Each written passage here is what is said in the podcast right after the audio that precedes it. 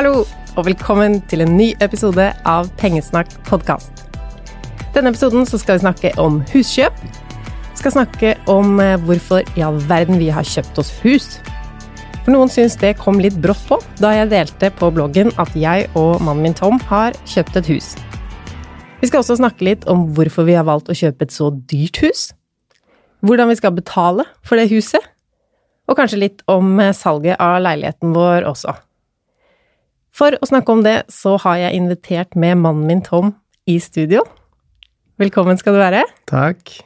Har du gledet deg til å få være med på podkastinnspilling? Nei, jeg er ikke i mitt rette element nå, men jeg stiller selvfølgelig opp.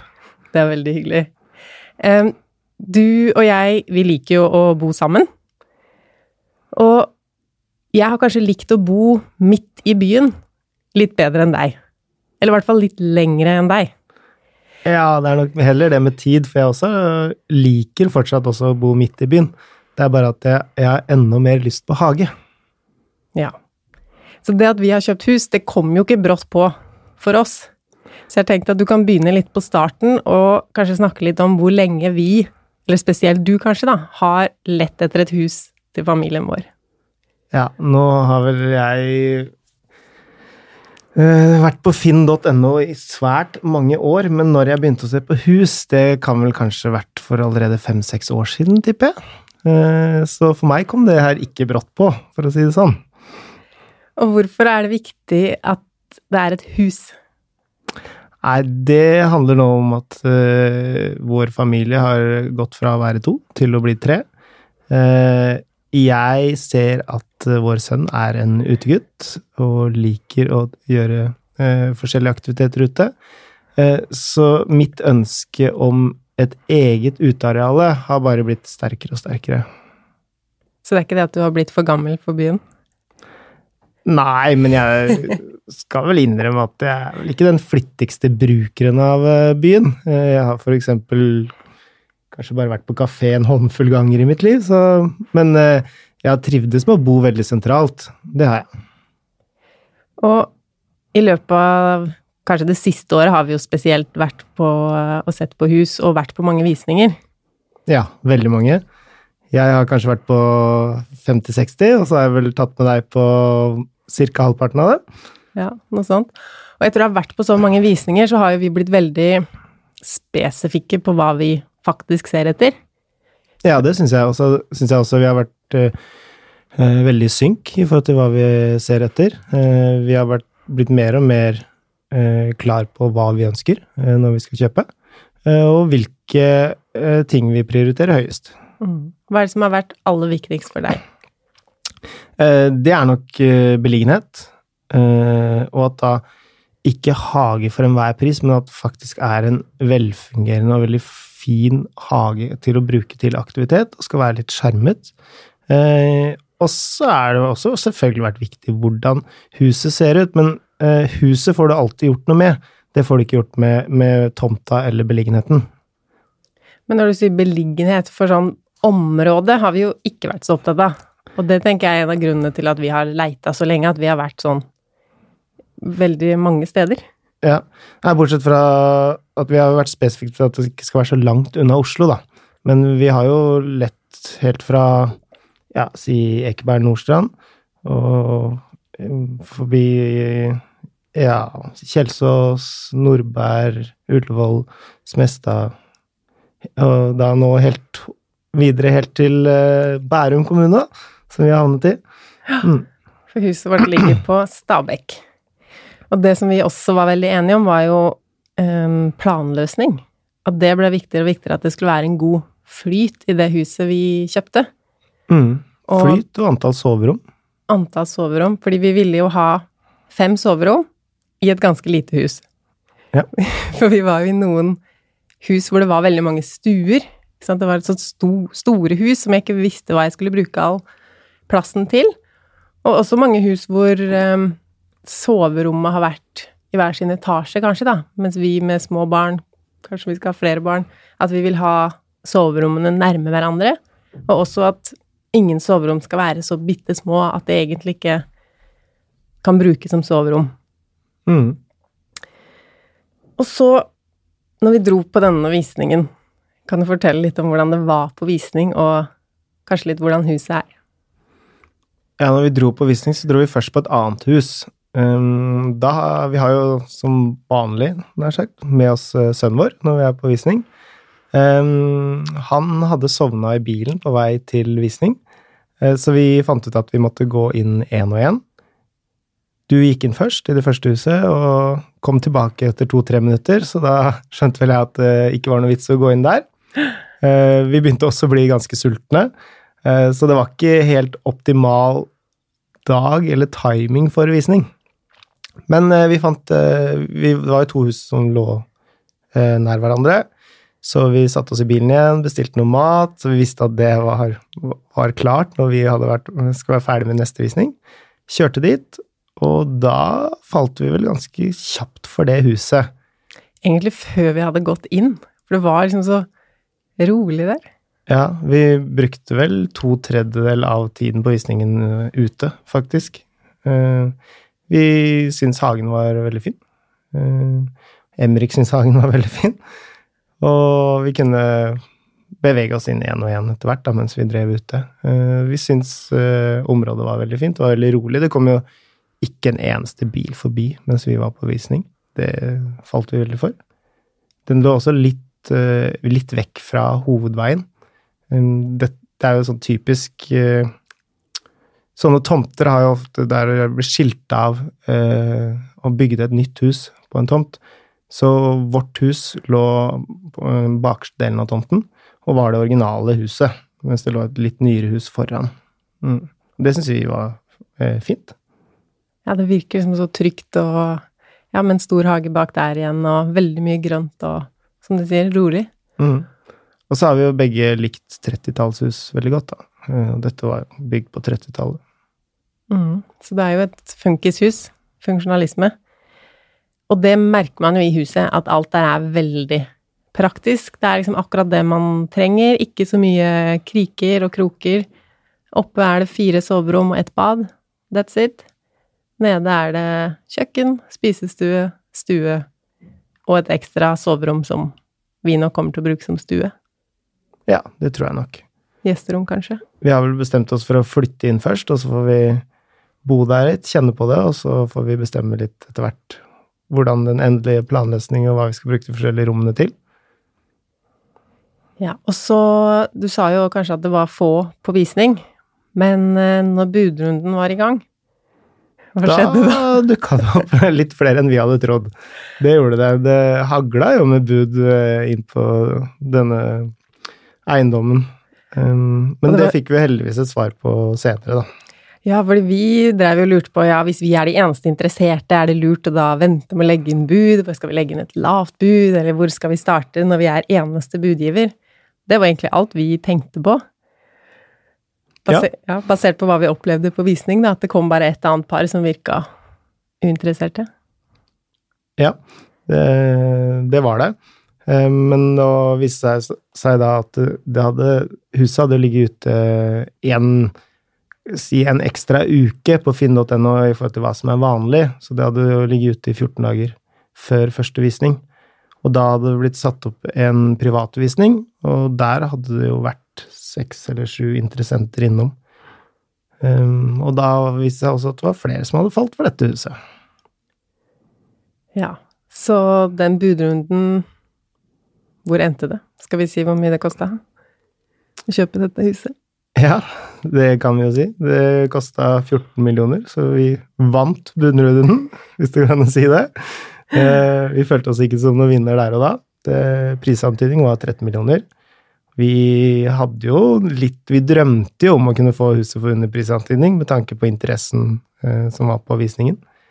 Men eh, det var seks budgivere og stor interesse, så det Endte på 14 millioner. Men har du fått litt sånn For når budrunden var, så var jeg på jobb, og så kjøpte vi huset, og så sa en kollega av meg at du kommer til å få helt angst i kveld, at du har kjøpt et så dyrt hus. Og så har jeg liksom gått og venta litt på at jeg skal eh, ikke akkurat angre, men bli litt sånn oh shit, hva har vi gjort? Men det har ikke skjedd. For meg i hvert fall. Har det skjedd for deg? Det skjedde litt første dagen. Det gjorde det? Ja, men det var jo nettopp det at jeg skjønte ikke hvordan dette huset kunne At det kunne være så mange budgivere og så mange interesse, interessenter. Og det gnagde meg litt at vi skulle være, si, være så uheldige at de få andre som var der, også ble med i en budrunde. Eh, prosentvis så er det jo ikke alle på visning som blir interessert. Så det gnagde meg litt. Eh, at kunne det være sånn at vi hadde så uflaks? Jeg, jeg må jo personlig si at jeg irriterer meg litt hvis jeg har gitt for mye for en ting jeg har kjøpt. Det er kanskje en grunn til at vi passer litt bra sammen, du og jeg. Ja, kanskje det. Kanskje det. Dette er jo første gang jeg har kjøpt noe overtakst. Eller prisantydning. Ja, jeg også. Hvorfor har vi kjøpt et så dyrt hus? Det tror jeg mange lurer på. Ja. Det er mye penger. Ja, det kommer an på hva du sammenligner, sammenligner det med. Eh, den prisen er jo ikke veldig høy i det området. Men hvis du ta, ser på gjennomsnittet av hva en bolig koster i Norge, så er det jo veldig dyrt. Eh, det er dyrt å bo sentralt. Du betaler for eh, location, eh, og det har vi da valgt å gjøre for å ha en så fin hverdag som mulig med god flyt. Og med tanke på de jobbene vi har, så er vi avhengig av å bo ganske sentralt. Men sånn økonomien oppi der, hadde vi et tak på forhånd hva vi hadde Mens vi dreiv og så på hus, så var vi jo ganske ulike prisklasser. Mm, det var det. Eh, noe av grunnen til at vi leita i ulike prisklasser, handla jo om det var med eller uten utleieenhet også. Eh, fordi med en utleieenhet så finansierer jo det deler av lånet ditt. Eh, så det kom an på inntektsmuligheten også på, et, eh, på en eiendom, da. Hvor høyt vi ville gå, og hvilket tak vi satt. Eh, vi hadde jo satt et tak på, på dette huset når vi bøy, og det var 14 millioner, så det vi eh, ga oss akkurat på taket vårt. Heldigvis var det ingen som bøy over det.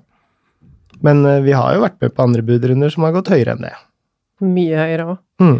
Og vi er jo enige om at dette med bolig er noe vi som familie faktisk prioriterer. Ja. Og som du sa, vi er enige om den prioriteringa også. Vi er mye hjemme og liker å ha det fint rundt oss. Tenker sånn, det er fremtiden vår, det er familien vår det handler om. Og det å ha det bra hjemme er viktig for meg, og så har vi jo faktisk råd til det.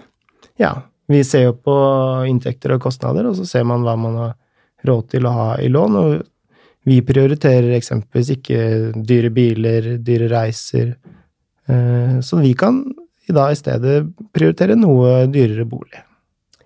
Og så har vi jo ikke noe boliggjeld i dag. Nei. Men om ikke så Eh, lenge. Ikke så lenge, så har vi jo det. Ja. Og det tror jeg mange tenker at det er en nederlag for meg. For jeg har jo snakket mye om dette her, at det er så deilig å være gjeldfri, og det mener jeg jo fortsatt. Men så tenker jeg at dette er jo et hus det er deilig å være i. Også med gjeld. Og at det da er verdt det. Og kanskje spesielt nå, at det er enda mer viktig for meg nå som jeg skal jobbe hjemmefra. Jeg skal ha et kontor i det huset her, et sted hvor det er rolig, og jeg kan jobbe og føle meg hjemme. Slippe å måtte leie meg inn et sted, som jo for det første hadde kosta penger, og for det andre hadde kanskje vært mer eh, bråk og ståk, som egentlig er det jeg flykter litt fra nå, da, med åpent landskap på jobben. Så jeg tenker at det skal bli så godt å sitte i det gule huset og skrive og jobbe med mine ting. Mm. Hva, hva ser du du for deg? Det blir fint. Det blir veldig fint. Jeg, som tidligere nevnt, så ser jeg først og fremst for meg at jeg leker i hagen, da. Eh, Det gleder jeg meg veldig til. Men eh, det er jo ikke noe ulempe at vi ikke har naboer så tett på oss, eh, mindre støy, ja, mer frihet, rett og slett. Vi må snakke litt mer om dette med økonomien. Fordi det blir jo en differanse på nesten fem millioner. Altså, vi solgte leiligheten vår for ni millioner 450 000. Og så kjøpte vi dette huset da for 14 millioner. Så pluss litt omkostninger både på kjøpet og salget. Eh, vi har noen kroner på konto, men eh, se for oss å måtte låne fem millioner kroner. Har vi råd til det? Ja, sånn vi lever, har vi råd til det. Eh, Og dette har jo da andre også tatt en vurdering på. Eh, Vi har jo fått lån på fem millioner, så Jeg eh, støtter banken i, den, i den avgjørelsen, at vi har råd til å låne fem millioner. Er det noe måte, vi kan gjøre for at det ikke skal bli så dyrt? Nå tenker jeg på om vi skal bygge en hybel i kjelleren. Det skal vi. Det er i hvert fall planen, hvis det lar seg gjøre. Vi må jo søke om det, og vi må jo øke takhøyde, blant annet. Men det er ambisjonene. Nå har vi vel begge ambisjoner om å først flytte dit, bo der litt, slappe av litt, før Absolutt. vi eventuelt eh, går på noe større oppussingsprosjekter. Men eh, på en eh, lengre sikt så ønsker vi å lage en utleiedel i kjelleren, ja.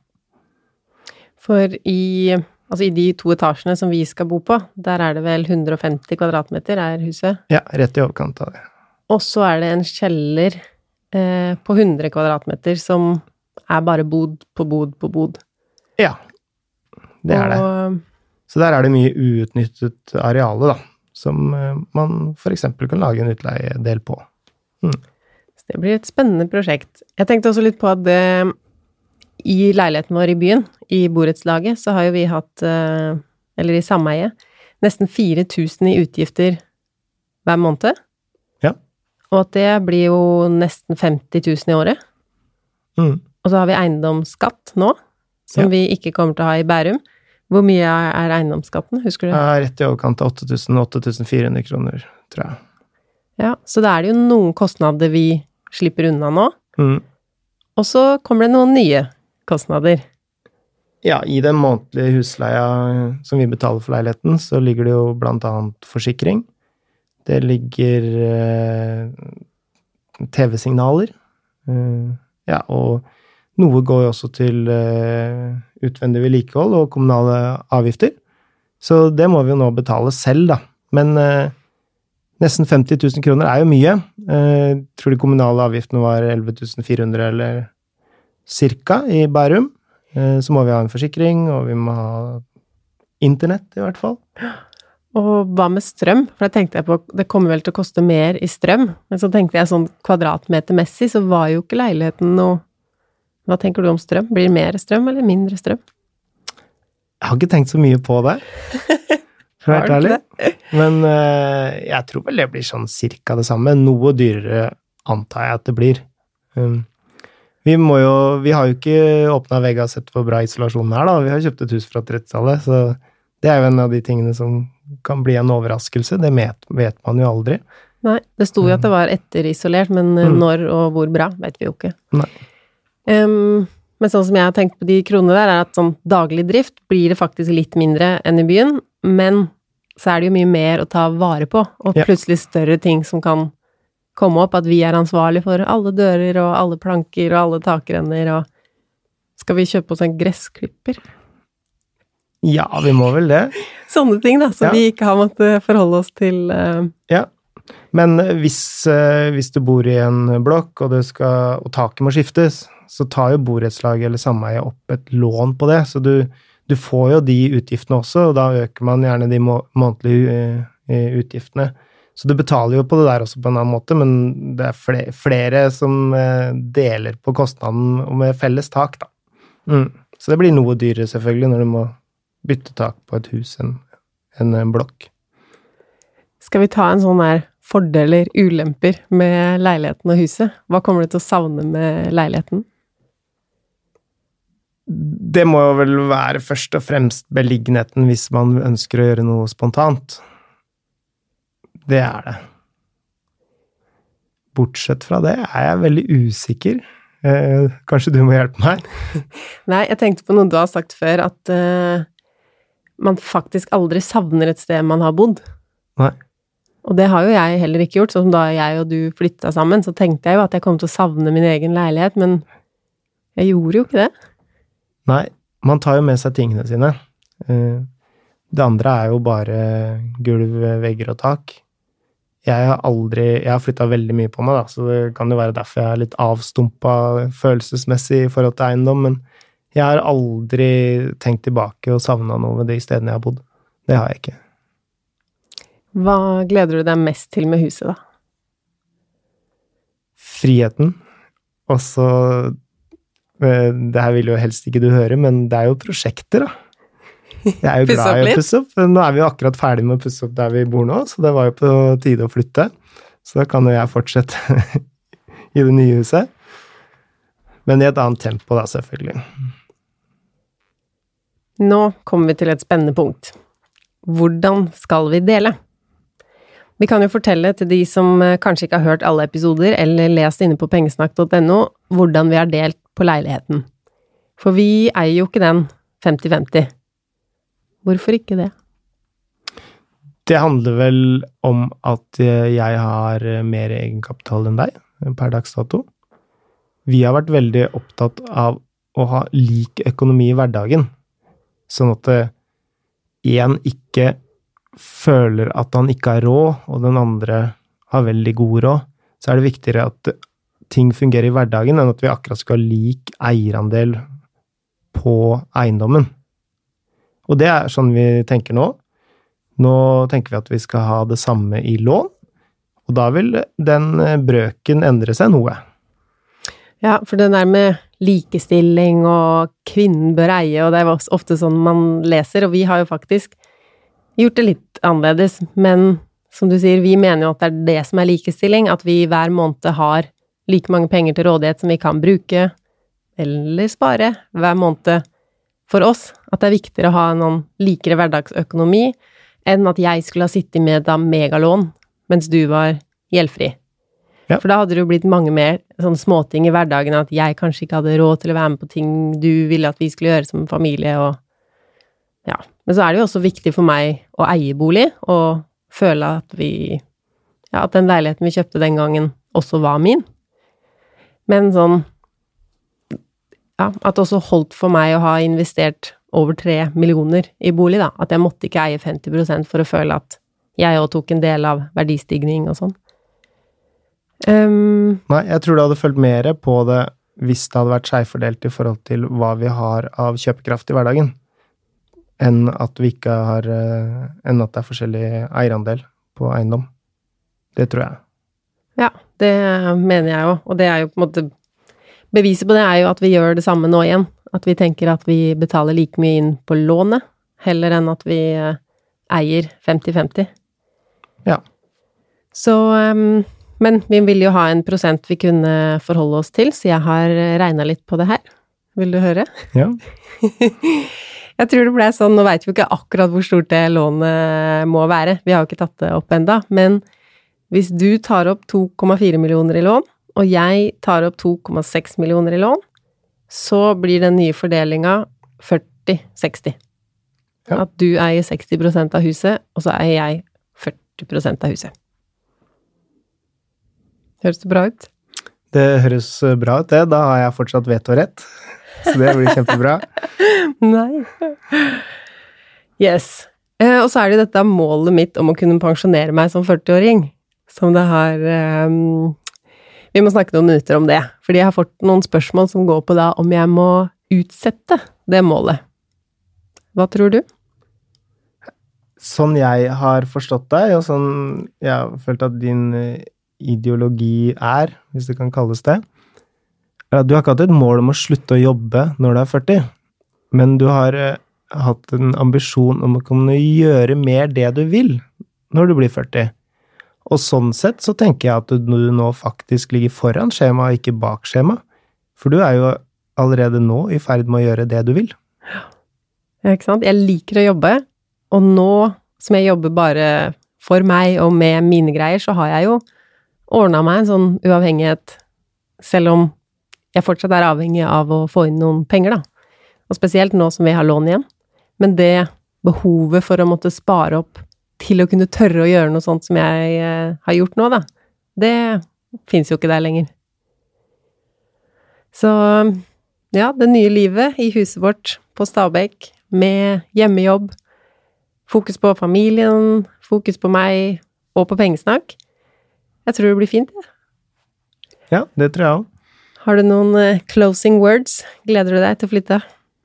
Jeg gleder meg veldig til å flytte. Ikke akkurat selve flyttedagene, det gleder jeg meg ikke så mye til. Nå skal vi heldigvis bære ned fem etasjer, da, og ikke opp fem etasjer, for det, Den dagen husker jeg, eller de dagene husker jeg veldig godt.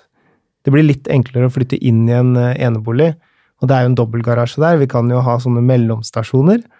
Eh, så det tror jeg blir en enklere eh, prosess denne gangen. Jeg gleder meg veldig til å komme i enebolig. Det gjør jeg. Jeg gleder meg litt sånn til prosessen òg, til å finne ut sånn på kjøkkenet hvor skal jeg ha glassene her, hvor skal jeg ha alle tingene. Og så gleder jeg meg til å lage meg et kontor. Pengesnakk Office. Ja. Jeg gleder meg til å lage fine uteområder også. Det er jo et ø, ekstra rom om ø, sommeren. Det er jo faktisk tak over ø, uteplassen. Ja. Dette blir bra. Det blir veldig bra. Jeg håper jeg dere har en god sommer der ute. Vi er på hytta og koser oss i forhåpentligvis solen. Det er norsk sommer. Vi tar det vi får. God sommer. God sommer.